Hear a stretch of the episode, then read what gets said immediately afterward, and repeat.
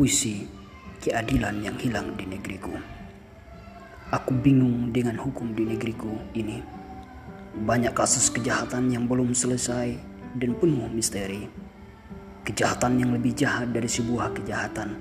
Kejahatan yang mampu memproseskan negeri ini ke dalam jurang kehancuran. Hakim dan jaksa dibeli untuk mendiamkan permasalahan yang ada. Hukum negeriku seperti hukum rimba yang berkuasa. Semakin berjaya, yang lemah semakin menderita.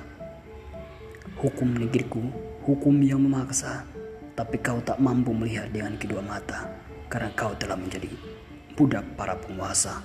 Rakyat miskin yang tak berdaya dikambing hitamkan. Uangnya mereka sita untuk memenuhi hasrat nafsu dunia semata. Mereka semuanya lupa bahwa Indonesia menjunjung tinggi nilai agama. Itu yang terpahat dalam sila pertama Pancasila.